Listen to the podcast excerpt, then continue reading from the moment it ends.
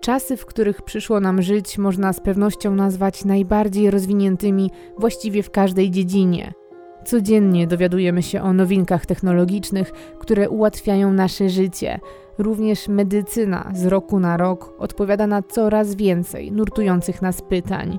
Jednak pomimo postępu, wciąż wiele zagadnień pozostaje niewyjaśnionych. Szczególnie trudne do zrozumienia i przebadania są te aspekty naszego życia, które dotykają strefy niefizycznej, emocji, wiary, psychiki i wszystkiego tego, czego nie możemy zobaczyć i dotknąć. W związku z tym szczególnie trudna jest ocena stanu psychicznego człowieka.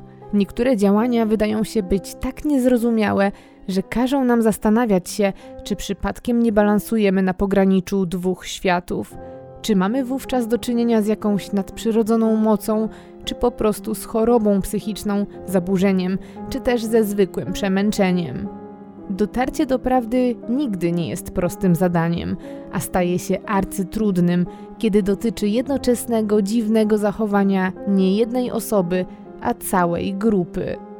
W dzisiejszym odcinku wybierzemy się aż do Australii i poznamy przypadek, który do dzisiaj spędza sen z powiek specjalistów z zakresu psychologii i psychiatrii. Będzie to opowieść o jednym z najdziwniejszych zaginięć w historii tego kraju.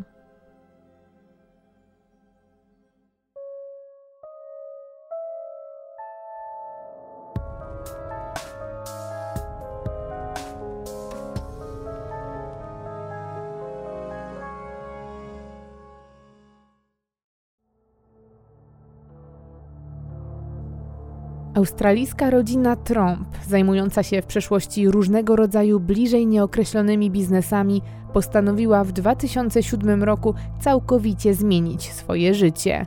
Małżeństwo Mark i Jacoba oraz trójka ich dzieci, Rihanna, Mitchell i Ella, mieszkali wówczas w sielskim miasteczku Macclesfield, praktycznie na przedmieściach zatłoczonego Melbourne. Mimo iż mieszkali w spokojnej i cichej okolicy pełnej nieregularnie rozrzuconych domów jednorodzinnych, drzew i zielonych łąk, to właśnie w 2007 roku postanowili sprzedać cały swój majątek i, jak to mówili, znaleźć nowy dom, w którym odnajdą w końcu bliższy kontakt z naturą, której najwyraźniej wciąż było im mało. Poszukiwania nowego miejsca do życia były żmudne i obejmowały teren całej Australii. Rodzina była gotowa przenieść się nawet setki kilometrów dalej, byleby odnaleźć swoje szczęście, ale śmiesznym zbiegiem okoliczności wymarzona nieruchomość czekała tuż pod ich nosem. Głowa rodziny, Mark, przeglądał internet i natrafił na idealne wręcz ogłoszenie.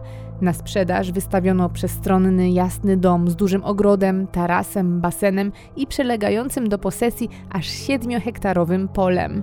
Co ciekawe, nieruchomość znajdowała się zaledwie 20 minut jazdy samochodem od ich domu rodzinnego, z którego planowali się wyprowadzić. Nowy dom w pobliskim Silvan wystawiono na licytację za kwotę 810 tysięcy dolarów australijskich. Mark z uwagą obserwował przebieg licytacji, jednak nie pojawił się żaden kupiec. Mijały dni, a nikt nie był zainteresowany kupnem nieruchomości za podaną kwotę. Właśnie na to liczył i na to czekał przedsiębiorczy Mark. Bez większego zastanowienia wsiadł do samochodu i ruszył z rodzinnego Macclesfield do Silvan. Kilkanaście minut później był już w oddalonym o 12 km miasteczku, na obrzeżach którego przy ulicy Chapman Road znajdowała się farma jego marzeń. Szczęście znowu się do niego uśmiechnęło, bo na miejscu spotkał właścicielkę posiadłości, Tyrene Bock. Mark wiedział, że musi wykorzystać okazję i zaproponował kupienie farmy już teraz i bez licytacji, pod warunkiem, że kobieta obniży cenę o 30 tysięcy dolarów. Zaskoczona śmiałą propozycją właścicielka, w głębi duszy obawiała się, że może nie uda jej się sprzedać nieruchomości wraz z ziemią. Zależało jej jednak na czasie, dlatego po chwili zastanowienia przystała na propozycję mężczyzny. Ten sposób w czerwcu 2007 roku Trompowie stali się właścicielami farmy w malowniczym Silvan. Silvan to niewielka miejscowość położona 40 km na wschód od Melbourne. W 2021 roku jego populacja wynosiła zaledwie 1300 mieszkańców. Z uwagi na tak niewielką społeczność, mieszkańcy miasteczka doskonale się znali, a pojawienie się w 2007 roku nowej rodziny szybko zostało zauważone. Tym bardziej, że Trumpowie byli ludźmi bardzo otwartymi i chętnie poznawali nowych sąsiadów. Jacoba i Mark mieli też już w głowie doskonały plan, co zrobią z ziemią, która od tej chwili należała do nich. Postanowili wykorzystać ją i zająć się uprawą czerwonej porzeczki. W okolicy, w której zamieszkali, właśnie te owoce były bardzo popularne, a Trumpowie mieli nadzieję, że staną się największymi spośród okolicznych producentów. W swoich ambitnych planach chcieli też wyróżniać się z tłumu doskonałą jakością swoich plonów oraz wszelkich przetworów z nich przygotowywanych. Jak szybko się okazało, Mark miał niezłego nosa do interesów i owoce trąpów faktycznie stały się powszechnie znane z doskonałej jakości, a sama rodzina farmerów zyskała uznanie i zasłynęła z pracowitości i wielkiego zaangażowania w to, co robili. Szczególnie zaangażowana w pracę przy porzeczkach była Jacoba, która dbała nie tylko o to, by owoce miały wszelkie warunki do tego, by rosnąć i dojrzewać, ale zajmowała się również marketingiem. A trzeba przyznać, że miała do tego smykałkę. Kobieta skutecznie pozyskiwała klientów, obsługiwała sprzedaż dla dużych przetwórców owoców oraz zajmowała się reklamą swoich domowych wyrobów wśród lokalnej społeczności. Jacoba była pełna energii, zawsze zaangażowana w każde zadanie, którego się podejmowała, dlatego też błyskawicznie dodała firmie skrzydeł, ale też w okolicy szybko stała się znana, szanowana i przede wszystkim lubiana. W wolnych chwilach uwielbiała odwiedzać dalszych i bliższych znajomych, wpadać do nich na przysłowiową filiżankę herbaty lub sama gościć ich we własnym domu. Zawsze oczywiście częstowała gości produkowanymi przez siebie przetworami, z których słynęła cała ich rodzina. Mark był za to biznesmenem z krwi i kości i myślał przede wszystkim o finansach. Wiedział, że aby zmaksymalizować sukces swojej rodziny, musi zdywersyfikować jej źródła przychodu. Po przeanalizowaniu potrzeb okolicznych farmerów, doszedł do wniosku, że mądrym krokiem będzie założenie firmy zajmującej się wynajmem sprzętu ciężkiego. Wielu okolicznych rolników wykazywało zainteresowanie na takie usługi, w związku z tym rodzina Trump postanowiła zainwestować i w niedługim czasie powstał park maszynowy, który szybko się rozrósł. Rodzina w swojej ofercie posiadała liczne koparki, samochody ciężarowe i podobne pojazdy, które były wypożyczane przez lokalnych mieszkańców do przewozu ziemi, gruzu, piasku i zbiorów. Tą może nieco męską częścią ich biznesu zajmował się przede wszystkim Mark, ale po latach prowadzenia interesu, w momencie gdy dzieci małżeństwa zaczęły wchodzić w dorosłość, mężczyzna postanowił zacząć je wtajemniczać w tajniki prowadzenia działalności gospodarczej i to z sukcesem. Od przeprowadzki minęło 9 lat i nastał 2016 rok. W tym czasie wszystkie dzieci w rodzinie Trump były już dorosłe, bo Rihanna miała 29 lat, Mitchell 25, a Ella 22. Każde z nich, zgodnie z życzeniem rodziców, mocno też pomagało we wszystkich pracach związanych z prowadzeniem działalności. Cała trójka ich dzieci była bardzo zaangażowana w rozwój obu firm i z pewnością zależało im na tym, aby rodzinna firma miała się jak najlepiej. Jednak najbardziej zaangażowana i jednocześnie przedsiębiorcza okazała się być najmłodsza z całej trójki, córka Ela, która choć miała zaledwie 22 lata, to już prowadziła własną firmę. Wyodrębniono ją specjalnie dla niej z majątku rodziców i przekazano w jej ręce od razu, gdy tylko zakończyła edukację.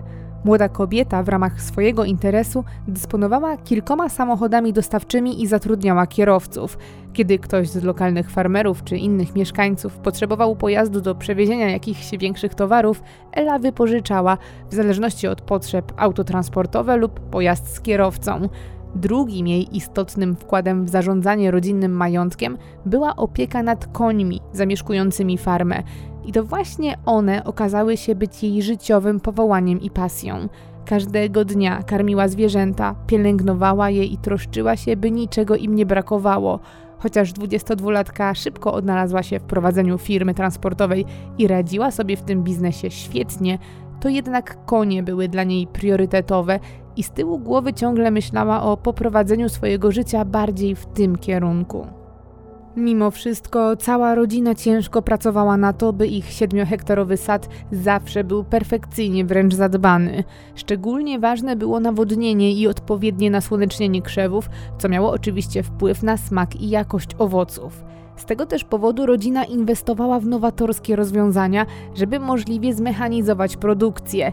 Jednak mimo tych wielu udogodnień technicznych, ogromną większość działań na owocowych farmach wykonywać należy ludzką ręką, ponieważ maszyny nie są w stanie zastąpić człowieka w całej masie precyzyjnych prac wokół delikatnych i małych owoców.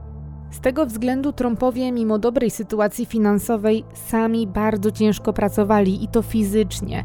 Szczególnie trudny był dla nich okres wiosennoletni, kiedy cała pięcioosobowa rodzina pracowała niemal od świtu do zmierzchu 7 dni w tygodniu. Oczywiście w sezonie zimowym pracy było dużo mniej, była to niejako pora odpoczynku, jednak w tym najtrudniejszym okresie zakres obowiązków często doprowadzał rodzinę wręcz na skraj możliwości fizycznych i psychicznych. Warto dodać, że z uwagi na to, że Australia znajduje się po przeciwnej stronie kuli ziemskiej, okres zimowy rozpoczyna się tam mniej więcej w okolicach czerwca, czyli zupełnie na odwrót niż u nas. Z tego też powodu główny okres zbiorów porzeczki przypada na przełom grudnia i stycznia.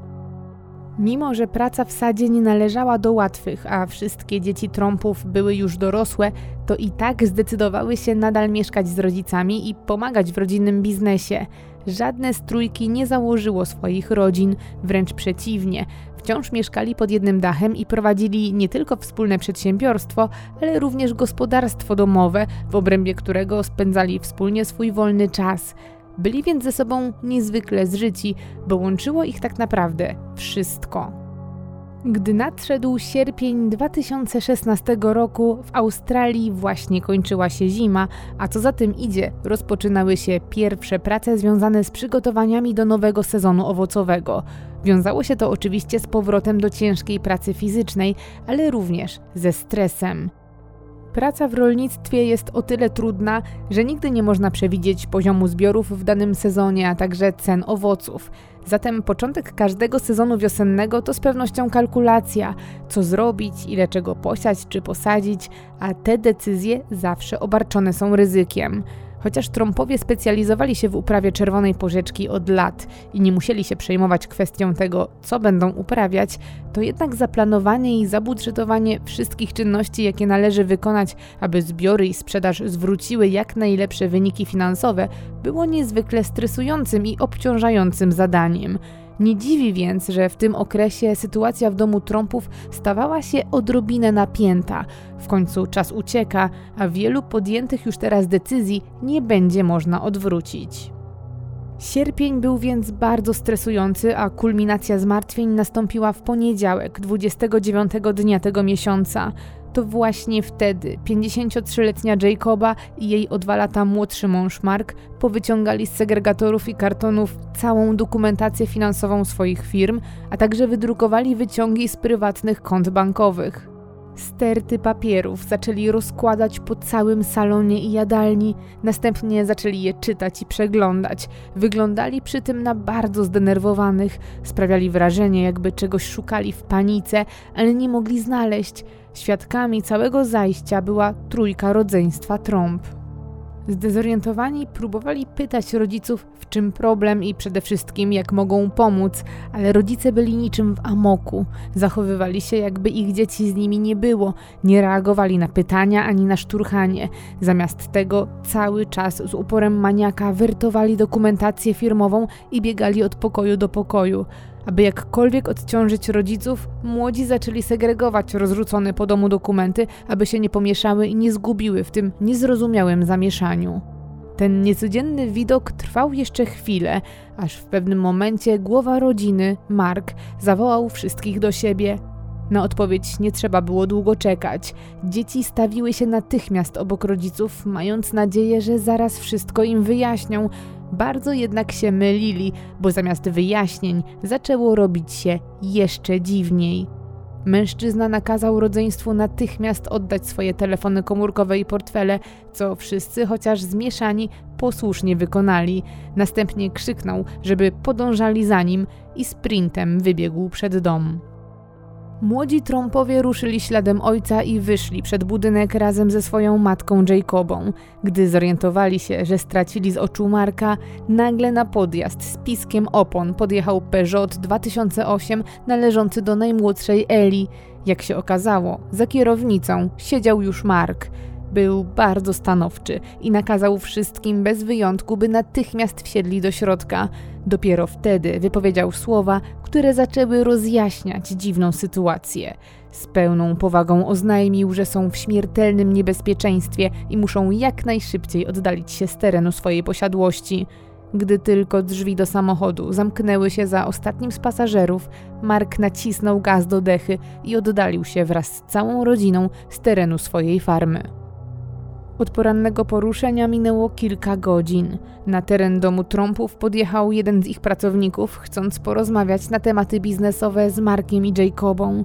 Mężczyzna ten przez pewien czas stał pod drzwiami i pukał, jednak nikt nie odpowiadał. Zdziwiło go to, gdyż zazwyczaj o tej godzinie zawsze był ktoś w domu. Zresztą auta domowników stały zaparkowane na podjeździe tak jak zwykle. To wszystko wydawało mu się na tyle podejrzane, że zdecydował się pociągnąć za klamkę. Szybko okazało się, że drzwi do domu nie są zamknięte na klucz. Mężczyzna postanowił zajrzeć do środka, a jego oczom ukazał się przedziwny widok. Ogromna ilość dokumentów rozłożona była na wszystkich meblach i podłodze w zasięgu wzroku. Kartki papieru dosłownie zalewały pomieszczenia. Zaniepokojony mężczyzna wszedł więc nieco głębiej i kilkukrotnie zawołał, czy ktoś jest w środku, jednak nie było odpowiedzi, co dodatkowo go zmroziło. Chociaż nie widział innych niepokojących śladów, mężczyzna czuł, że coś jest nie tak i postanowił wezwać policję. Pracownik firmy zgłosił funkcjonariuszom, że przypuszcza, że trąpowie mogą być w niebezpieczeństwie. Sądzi, że być może doszło do jakiegoś włamania i kradzieży, a właściciele farmy mogli nawet zostać przez sprawców skrzywdzeni bądź uprowadzeni, co by tłumaczyło ich nieobecność. Opis sytuacji rzeczywiście zaniepokoił przyjmujących zgłoszenie, dlatego też na miejscu szybko pojawił się patrol policji, który sprawdził dokładnie farmę oraz dom rodziny. Policjanci zauważyli jednak, że dom Trumpów wcale nie wygląda jakby dokonano w nim kradzieży. Wszystkie cenne przedmioty wciąż znajdowały się w widocznych miejscach i nikt nie zabrał ich ani nawet nie próbował zabrać. Co więcej, na miejscu znaleziono również telefony i inne urządzenia należące do rodziny, a także ich dokumenty i karty płatnicze. Wszystko wyglądało tak, jakby Trumpowie opuścili swoją posiadłość w pośpiechu i wyjechali w nieznanym kierunku. I ten widok wcale nie był mylny, bo w tym samym czasie, gdy policjanci przeszukiwali posiadłość, trąpowie z dużą prędkością oddalali się od swojej farmy w srebrnym samochodzie Eli. Rodzice jednogłośnie twierdzili, że rodzina jest w niebezpieczeństwie i z tego powodu muszą uciekać. Nie chcieliby ci, którzy ich poszukują, byli w stanie wytropić ich na podstawie lokalizacji telefonów komórkowych lub na skutek użycia przez nich kart płatniczych. W związku z tym wszystko zostało w domu, a oni operowali wyłącznie gotówką. Chociaż z początku dzieci chciały dowiedzieć się, co dokładnie się dzieje i w pędzącym samochodzie zadawały mnóstwo pytań, to panika rodziców zaczęła szybko udzielać się również córkom. Jedynie syn był sceptycznie nastawiony do słów wypowiadanych przez rodziców.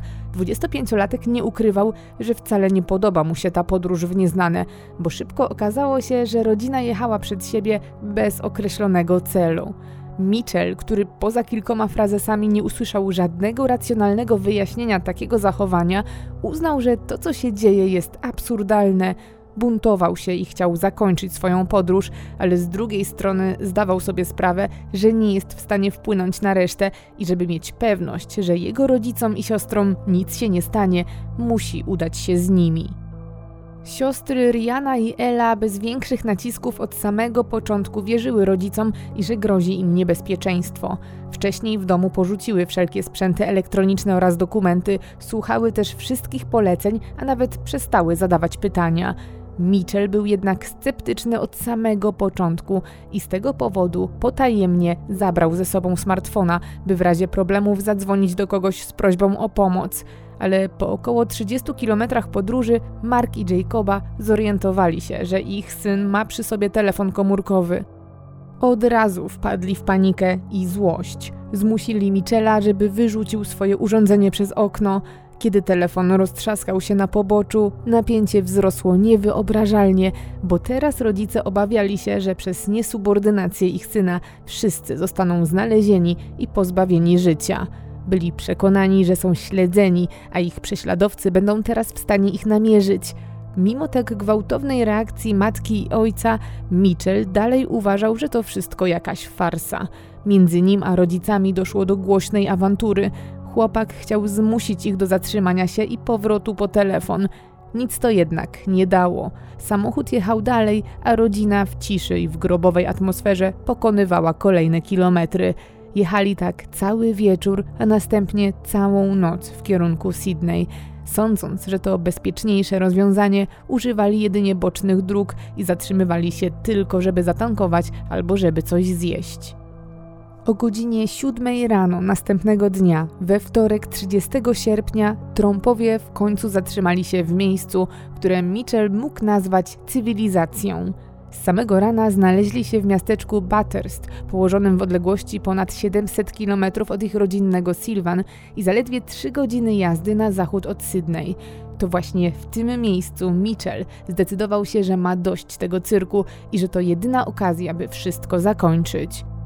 Chłopak potajemnie zabrał z samochodu część gotówki i gdy przez chwilę każdy z członków rodziny był zajęty swoimi sprawami, zebrał się na odwagę i zaczął uciekać przed siebie. Liczył, że zabrane pieniądze pozwolą mu na dotarcie do Sydney, skąd pociągiem powróci do Melbourne, a stamtąd już do domu. Gdy 25-latek zerwał się do biegu, pozostała część rodziny wpadła w panikę. Z początku próbowali go powstrzymać, jednak ostatecznie paranoja wzięła górę. Bojąc się o swoje życie i życie swoich córek, rodzice postanowili kontynuować ucieczkę bez syna, który zniknął za rogiem.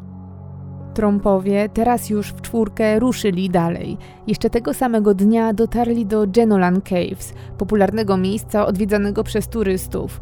Jest to miejsce, w którym na niewielkiej powierzchni znajduje się kilka jaskiń dostępnych do zwiedzania. To właśnie po przybyciu tutaj również córki trąpów zaczęły mieć wątpliwości. Mitchell przetarł szlak i swoim śmiałym krokiem wzmocnił te emocje. Kiedy więc dziewczyny zorientowały się, że ponownie trafiły do miejsca pełnego ludzi, nabrały odwagi i ustalając to wcześniej potajemnie, postanowiły odłączyć się od rodziców. Jednak stan obu z nich był od siebie diametralnie różny. Najmłodsza, Ela, zdawała się być znowu sobą. Przestała mieć paranoiczne myśli, wyglądała jakby odzyskała zdrowy rozsądek i pełną świadomość. Chciała teraz wrócić do rodzinnego domu w Silvan, a nie uciekać przed nieznanym. Jej starsza siostra natomiast wciąż nie do końca była świadoma tego, co się dzieje. Dalej była przerażona i przekonana, że grozi im faktyczne niebezpieczeństwo. Mimo braku pewności, czy odłączenie się od rodziców to aby na pewno słuszna decyzja, ostatecznie postanowiła wrócić do domu z młodszą siostrą. Dziewczyny, podobnie jak wcześniej ich brat, wykorzystały chwilę nieuwagi swoich rodziców i oddaliły się od samochodu.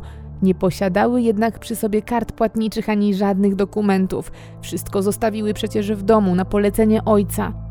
Były jednak zdeterminowane, by działać, i Ela posunęła się do czegoś zupełnie niepodobnego do niej. Z parkingu, na którym się znaleźli, ukradła samochód, którym razem z siostrą zamierzały teraz wrócić na swoją oddaloną o prawie 800 kilometrów farmę.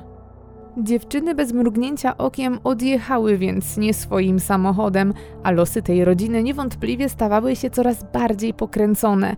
Po dwóch godzinach od ucieczki emocje u sióstr zaczęły opadać, a rozsądek zaczął przemawiać coraz głośniej.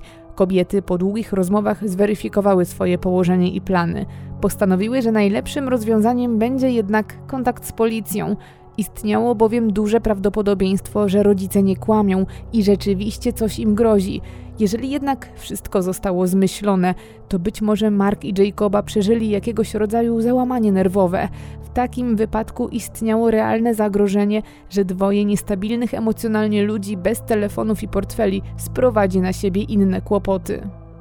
Z Genolan Caves kobiety pojechały skradzionym samochodem do oddalonego o około 150 km miasta Gelburn, gdzie udały się prosto na komisariat policji. Tam zgłosiły zaginięcie swoich rodziców i opowiedziały nieprawdopodobną wręcz historię o tym, jak w panice kazano im opuścić dom i uciekać przed nieokreślonymi napastnikami i wycieczce setki kilometrów od domu. Policjanci na całe szczęście od razu potraktowali sprawę poważnie i kazali czekać dziewczynom na dalsze działania. Mieli w planach skontaktować się z policją w Silvan, by ustalić szczegóły. Zanim jednak zdążyli podjąć jakiekolwiek kroki, Ela i Riana, wykorzystując zamieszanie, niepostrzeżenie opuściły komisariat i bez słowa odjechały skradzionym wcześniej samochodem. Kobiety trafiły na stację benzynową, gdzie zatrzymały się na chwilę. Tam jednak nastąpił ciąg dalszy dziwnych decyzji, bo będąc wciąż daleko od domu, siostry niespodziewanie postanowiły się rozdzielić. Powód tego rozdzielenia jest równie dziwny i bezsensowny jak każdy inny aspekt tej sprawy. Ela doznała kolejnego otrzeźwienia. Powiedziała starszej siostrze, że musi wracać natychmiast do domu, by nakarmić swoje ukochane konie. Riana jednak nie była w najlepszej formie i nie chciała jeszcze wracać. Wolała na spokojnie usiąść i zastanowić się, co dalej. Ella była jednak stanowcza, była silnie związana ze zwierzętami i uznała, że ważniejsze jest teraz dla niej nakarmienie koni niż proszenie siostry o to, by zechciała wrócić z nią do domu. Podjęła więc decyzję, że odjeżdża i niezależnie od wszystkiego wróci skradzionym samochodem na farmę.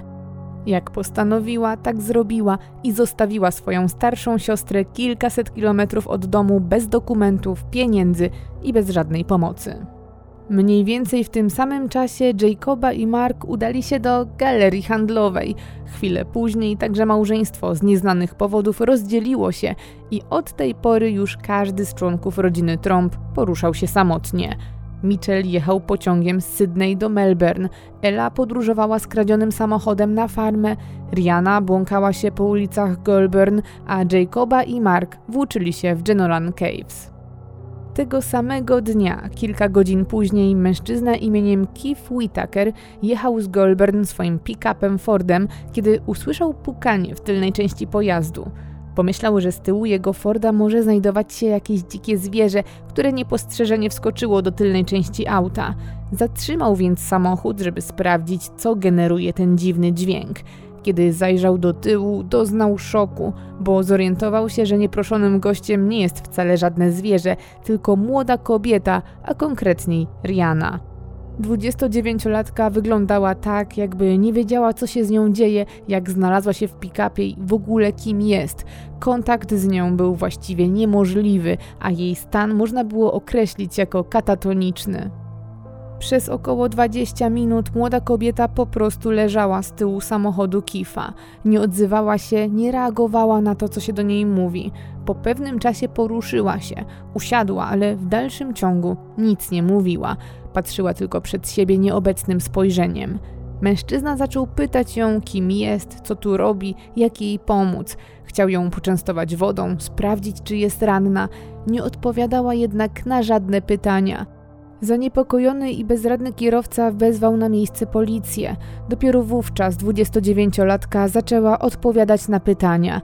Jej odpowiedzi nie wniosły jednak niczego do sprawy, ponieważ nie potrafiła powiedzieć ani jak się nazywa, skąd pochodzi, ani gdzie się znajduje. Kiedy jednak po chwili odzyskała część kontroli nad swoim zachowaniem, Rihanna powiedziała do Whitakera, że przeprasza go za kłopot. Zaoferowała mu nawet 50 dolarów australijskich w ramach rekompensaty, ale mężczyzna odmówił przyjęcia jakichkolwiek pieniędzy. Nie interesowały go dolary, tylko stan zdrowia tej dziwnie zachowującej się młodej kobiety. Policjanci przybyli na miejsce, uznali, że 29-latka zdecydowanie potrzebuje pomocy medycznej. Dziewczyna została przewieziona na komendę, skąd następnie zabrano ją do szpitala psychiatrycznego w Goulburn. Gdy najstarsza z trójki rodzeństwa przebywała już pod opieką specjalistów, pozostała dwójka wciąż kierowała się na farmę. Ela dotarła jako pierwsza w nocy z 30 na 31 sierpnia. Na miejscu nie zastała jednak ani żadnego zagrożenia, ani nikogo z rodziny. Zastała za to policjantów, którzy właśnie zabezpieczali wszelkie ślady mogące pomóc w ustaleniu okoliczności tajemniczego zaginięcia całej rodziny trąpów. Kiedy 22-latka weszła do domu, byli bardzo zaskoczeni na jej widok. Właśnie od kilku dni głowili się, gdzie jest dziewczyna wraz ze swoimi bliskimi. Ich zdziwienie tylko rosło, gdy usłyszeli od 22-latki o wszystkim, co się stało w ostatnich dniach.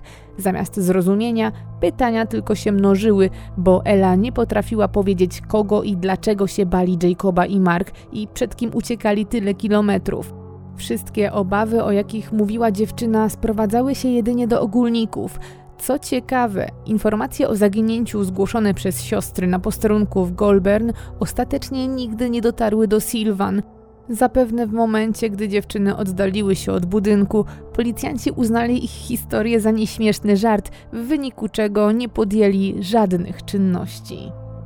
Kilka godzin później, tego samego dnia rano, w domu w Sylvan zjawił się Mitchell, któremu udało się dotrzeć do domu tak jak sobie to zaplanował, czyli pociągiem.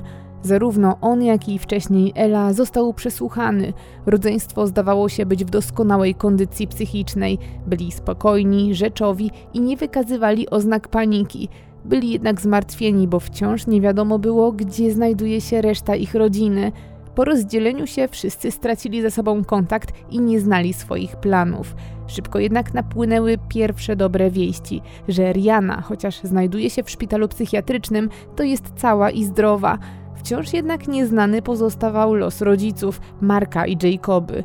To niewątpliwie podsycało napięcie, bo też media zaczęły coraz bardziej interesować się tajemniczą zagadką zaginięcia rodziny Trumpów. Wieści o ich zniknięciu i pustym domu, a potem dziwnych, pojedynczych powrotach szybko rozniosły się w niewielkiej społeczności i rzutem na taśmę dotarły do dziennikarzy. Media szybko podchwyciły interesujący temat, a zdjęcia wciąż poszukiwanego małżeństwa Trumpów zaczęły pojawiać się w telewizji i w internecie. Historia owiana nutką tajemniczości i pełna strzępków różnych informacji zaczęła przyciągać ogromne zainteresowanie Australijczyków, zwłaszcza w mediach społecznościowych, gdzie na różnych grupach toczono dyskusje i snuto przeróżne teorie. O trąpach i ich panicznej ucieczce zaczęli mówić wszyscy. Pojawiające się w przestrzeni publicznej zdjęcia zaginionego małżeństwa przyniosły efekt, bo zaczęli zgłaszać się ludzie, którzy widzieli parę. Dzięki tym sygnałom najpierw udało się odtworzyć drogę Jacoby. 1 września kobieta udała się autobusem do miasta Jas. Po przybyciu na miejsce miała nadzieję na dłuższy odpoczynek w lepszych warunkach niż te, które rodzina zapewniła sobie w czasie swojej wycieczki, gdzie całą dobę spędzali w samochodzie kombi. Miała nadzieję wypocząć w przytulnym pokoju hotelowym, by kolejnego dnia móc kontynuować swoją ucieczkę przed wyimaginowanymi wrogami. Jacoba udała się więc do jednego z lokalnych hoteli z zamiarem wynajęcia pokoju. Kiedy jednak obsługa hotelowa poprosiła ją o dokument tożsamości, wymagany podczas meldowania, kobieta powiedziała, że nie posiada przy sobie żadnego potwierdzenia tożsamości. To momentalnie wzbudziło podejrzliwość u pracowników obiektu. Zaczęli przyglądać się kobiecie i zauważyli, że klientka nie zachowuje się normalnie. Wygląda na zdezorientowaną, a jej zachowanie dalece odbiega od normy. Gołym okiem było widać, że wygląda jakby była w bardzo złym stanie psychicznym. Z tego względu obsługa hotelowa wezwała pogotowie. Tym samym momencie zdjęcia trąpów zaczęły już pojawiać się w większości mediów w kraju, dlatego też w szpitalu natychmiast rozpoznano 53-latkę jako zaginioną Jacobę Trump. W tym momencie z piątki zaginionych udało się namierzyć już czwórkę. Dwoje dzieci trąpów przebywało w domu, córka i matka w szpitalach. Zagadką natomiast wciąż pozostawało to, gdzie może przebywać głowa rodziny, Mark Trump. I ta zagadka miała niedługo się rozwiązać, bo tego samego dnia, kiedy Jacoba trafiła do szpitala, pewna para zgłosiła się na policję. Opowiedzieli funkcjonariuszom o dziwnej sytuacji, w której brali udział. Otóż, kiedy jechali ulicami miasta Wangarata, pewien pojazd zbliżył się do nich niebezpiecznie blisko. Parze wydawało się, jakby kierowca tego pojazdu chciał spowodować wypadek. Mieli wrażenie, że lada moment nastąpi zderzenie. Aby tego uniknąć, postanowili zatrzymać się na poboczu, by jadący za nimi kierowca mógł ich bezpiecznie wyprzedzić. Tak się jednak nie stało. Gdy tylko stanęli na poboczu, jadący za nimi samochód zatrzymał się przed nimi. Wysiadł z niego kierowca, mężczyzna w średnim wieku, który zaczął iść w ich kierunku. Podróżujący byli przerażeni, nie wiedzieli, co mężczyzna planuje. Wydawało im się, że być może prowadził pod wpływem alkoholu lub narkotyków, a teraz obawiali się, że mogą mieć do czynienia z jakimś niezrównoważonym szaleńcem. Wystraszyli się, że zrobi im krzywdę i chcieli zacząć uciekać, ale nim zdążyli to zrobić, obcy mężczyzna zatrzymał się, popatrzył na nich i uciekł w stronę znajdującego się nieopodal parku. Para natychmiast udała się na najbliższy komisariat policji, ponieważ byli przekonani, że mężczyzna jest pijany albo pod wpływem środków odurzających i że może stanowić zagrożenie dla innych. Mimo prób, mężczyzny jednak nie udało się odnaleźć w parku. Udało się za to zabezpieczyć porzucony przez niego samochód. Był to srebrny Peugeot 2008, zarejestrowany na nazwisko Ela Tromp. Następnego dnia rano obsługa sprzątająca motel Miller's Cottage w Wangaracie zauważyła, że zamek w jednym z pokoi został zniszczony, a drzwi były uchylone.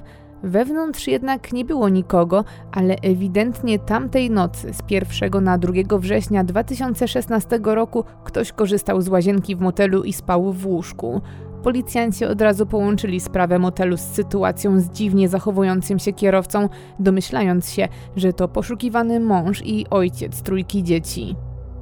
W tym samym czasie na rodzinnej farmie Trumpów zorganizowana została konferencja prasowa, w której udział wzięli Ella oraz Mitchell Trumpowie.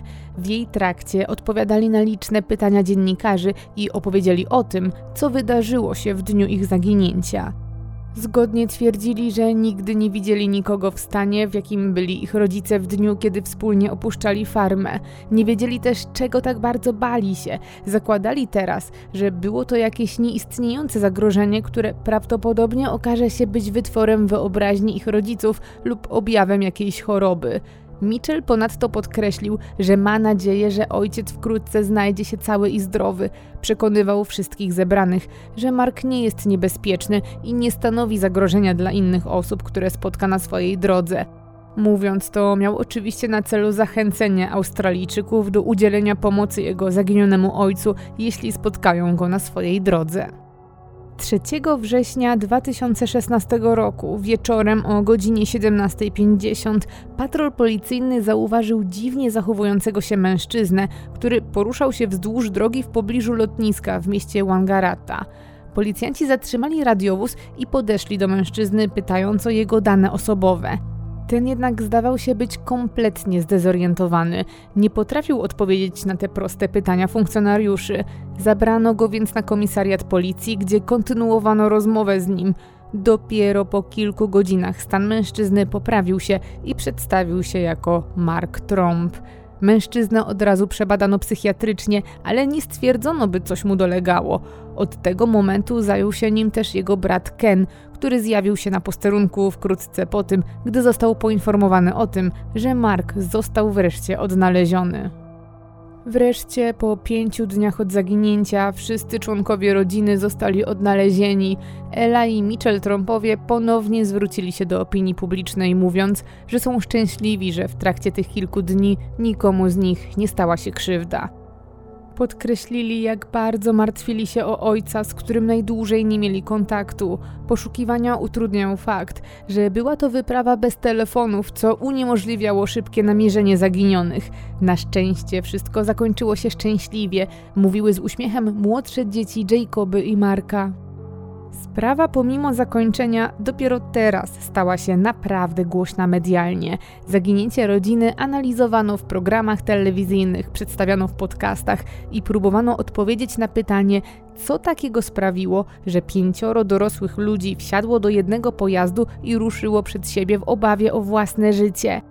W rodzinie Trumpów nie było wcześniej żadnych historii chorób psychicznych. Ich zachowanie nie było więc wynikiem nieleczonej choroby. Trąpów przebadano również na zawartość narkotyków we krwi lub innych szkodliwych substancji. Niczego takiego nie wykryto w krwiobiegu żadnej z badanych osób.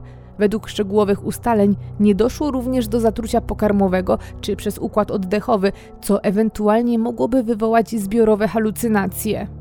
Nie było również żadnego racjonalnego powodu, który doprowadziłby do tego, że Trumpowie wymyślili całą tą sytuację. Powodem ucieczki, jaki podali rodzice, miała być ucieczka przed gotowymi zabić ich wierzycielami. Ten wątek sprawdzono bardzo dokładnie i okazało się, że rodzina nie miała żadnych długów. Wręcz przeciwnie, ich firmy przynosiły wysokie dochody i nic nie wskazywało na zmiany Trumpowie nie mieli też żadnych innych wrogów, przed którymi mogliby chcieć się ukryć. Nie należeli również do sekty lub kościoła, który mógłby wpłynąć na ich myślenie czy zachowanie. Innymi słowy, im bardziej szukano powodu, tym bardziej nie dało się go znaleźć. Kilka dni po odnalezieniu Mark Trump przeprosił społeczeństwo w publicznym oświadczeniu. Przeprosił za narażenie budżetu na kosztowne poszukiwania, za panikę i poczucie niepokoju, które wywołało zaginięcie jego rodziny. Dodał przy tym, że choć obecnie nie czuje zagrożenia, to tamtego dnia, 29 sierpnia 2016 roku, zarówno on, jak i jego żona bardzo bali się tego, że zostaną skrzywdzeni przez ludzi, którzy im grozili i podkreślał, że tamte emocje były prawdziwe. Jednocześnie nie potrafił powiedzieć, kim są te osoby i kogo miał na myśli. Mimo tych zapewnień, przy których bez zmian trzymają się rodzice, policja do dziś uważa, że trąpom nigdy nie grożono ani nigdy nic nie groziło. Niedługo później Mark wydał inne publiczne oświadczenie, tym razem pisemne o treści. W ostatnich dniach moja rodzina przeszła trudny okres. Wkrótce połączymy się i będziemy razem. Mamy nadzieję, że zaczniemy rozumieć naszą mękę i wrócimy do normalnego życia. Zdaję sobie sprawę z ciężaru, jaki te wydarzenia nałożyły na naszą dalszą rodzinę, przyjaciół i zasoby społeczności poświęcone naszej pomocy. Bez zastrzeżeń przepraszam za ból i niepokój spowodowany tymi wydarzeniami. W imieniu naszej rodziny wyrażam naszą głęboką wdzięczność Policji Wiktorii i Nowej Południowej Walii, a także pracownikom służby zdrowia, którzy zadbali o nasze samopoczucie fizyczne i psychiczne. Przede wszystkim moja rodzina i ja potrzebujemy czasu, aby wyzdrowieć i otrzymać odpowiednią pomoc, w tym usługi w zakresie zdrowia psychicznego. W tym celu prosimy organizacje medialne o uszanowanie naszej prośby o prywatność. Chociaż mężczyzna w swoim piśmie dał do zrozumienia, by tematu nie drążyć, ze zrozumiałych powodów opinia publiczna chciała poznać prawdę. Historia była więc dalej analizowana, a w związku z nią wypowiadało się coraz więcej osób. Sąsiad Trumpów, Mark Chapman, uważa, że dodatkowym stresem, który wpłynął na stan psychiczny rodziny, a przede wszystkim Marka Trumpa, był spory remont domu, którego rodzina podjęła się na krótko przed zaginięciem. Ciężka praca, brak odpoczynku, stres i remont. Według Chapmana wszystko to wpłynęło na osłabienie kondycji psychicznej rodziny. Być może niska jakość odpoczynku i nadmiar obowiązków sprawiły, że ich psychika po prostu nie wytrzymała napięcia. Chapman jest właścicielem farmy zlokalizowanej w niewielkiej odległości od domu Trumpów. Mieszka w tym miejscu od urodzenia. Należy do czwartego pokolenia farmerów w swojej rodzinie. Trumpów poznał w pierwszych dniach ich pobytu w Sylvan. Określił Marka jako pracocholika, który pracował niezwykle ciężko, a wręcz przepracowywał się kosztem swojego zdrowia. Każdego dnia od świtu do zmierzchu bez wytchnienia dbał o swoje przedsiębiorstwa. Bardzo zależało mu na tym, aby wszystko, co trafia do ich klientów, było idealnej jakości. Być może ten perfekcjonizm sprawił, że mężczyzna nie wytrzymał już napięcia i wymagań, jakie sam sobie narzucał. W marcu 2017 roku dziennikarze gazety Daily Mail postanowili sprawdzić, co dzieje się z rodziną Trumpów pół roku po ich wycieczce. Jak się okazało, życie na farmie wróciło do normy. Jacoba dalej wykorzystywała swoje zdolności marketingowe, dzieci i mąż ciężko pracowały i wyglądało na to, że ich wypadek jest już tylko wspomnieniem. Dwa miesiące później na portalu Now to Love ukazała się wypowiedź Riany, która powiedziała, że cała jej rodzina jest zawstydzona tym, co się stało i mimo upływu czasu nie potrafią wyjaśnić, co było przyczyną ich zachowania. Wspomniała również o kwestii kradzieży samochodu, której kobieta dopuściła się razem z młodszą siostrą. Przyznała, że jeżeli chodzi o nią, to od początku nie postawiono jej żadnych zarzutów z uwagi na stan zdrowia. Jeżeli zaś chodzi o Elę, groziła jej odpowiedzialność karna, ponieważ jak ustalili biegli, kobieta była świadoma tego, co robi. Na szczęście dla niej nie stanęła przed sądem za swój czyn, ponieważ uznano, że działała pod presją sytuacji, w jakiej się znalazła. Sprawa trąpów jest więc do dzisiaj jednym z najdziwniejszych zaginięć w historii Australii, a może i całego świata, bo pomimo, że wszystkie zaginione osoby odnalazły się, to sprawa oficjalnie wciąż jest uznawana za nierozwiązaną, ponieważ nie zdołano odpowiedzieć na pytanie, co doprowadziło prawie całą rodzinę trąpów poza racjonalne myślenie. Najbardziej prawdopodobne jest, że był to przejaw tak zwanego obłędu udzielonego, czyli paranoi indukowanej. Do tego stanu dochodzi, jeśli jedna osoba ma jakieś urojenia, w które zaczyna wierzyć jeszcze co najmniej jedna osoba. Dochodzi wówczas do sytuacji, kiedy minimum dwie osoby wierzą w coś, co tak naprawdę nie miało miejsca. Przypuszczalnie właśnie to spotkało trąpów. Wszystko zainicjować mógł Mark lub Jacoba, a paranoja udzieliła się reszcie bliskim względnie łatwo, ponieważ rodzina była ze sobą mocno zżyta i bezgranicznie sobie ufała. Nie sprzyjał też czas, kiedy wszystko się wydarzyło, bo był to początek sezonu, najtrudniejszego czasu pełnego planowania i licznych niewiadomych. Być może to wieloletnia praca ponad siły i nadmiar obowiązków popchnęły rodziców na skraj wytrzymałości, doprowadzając do lawiny dziwnych wydarzeń.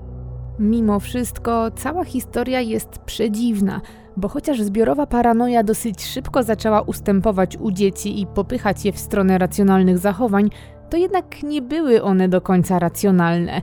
Ostatecznie nawet Mitchell, który jak twierdzi od początku nie wierzył w zagrożenie, sam nie powiadomił policji. Zdecydował się na ucieczkę i samotną podróż bez powiadamiania odpowiednich służb. Co więc stałoby się, gdyby pracownik rodziny Trump nie zgłosił ich zaginięcia na policji? Kiedy tak naprawdę przyszłoby otrzeźwienie i czy nie byłoby wtedy już za późno? Sprawa trąpów stała się niezwykle medialna z uwagi na jej niecodzienność i choć nie jest to typowa sprawa kryminalna, to przyciąga uwagę miłośników właśnie tej tematyki. Jakikolwiek jednak czynnik wpłynął na to, że rodzina rzuciła się do ucieczki dosłownie w jednej chwili, warto pamiętać, że skoro coś takiego przydarzyło się z pozoru normalnej, zdrowej rodzinie, teoretycznie podobna sytuacja może przytrafić się każdemu z nas.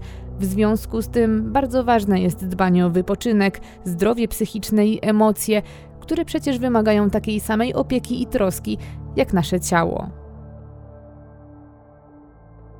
Jeżeli chcesz wesprzeć moją twórczość, zapraszam Cię na patronite.pl ukośnik Olga Herring, a także na moje media społecznościowe, szczególnie na mój Instagram. Wszystkie linki znajdziesz w opisie tego filmu. Będzie mi też bardzo miło, jeżeli zechcesz subskrybować mój kanał. Dzięki temu nie przegapisz kolejnych odcinków.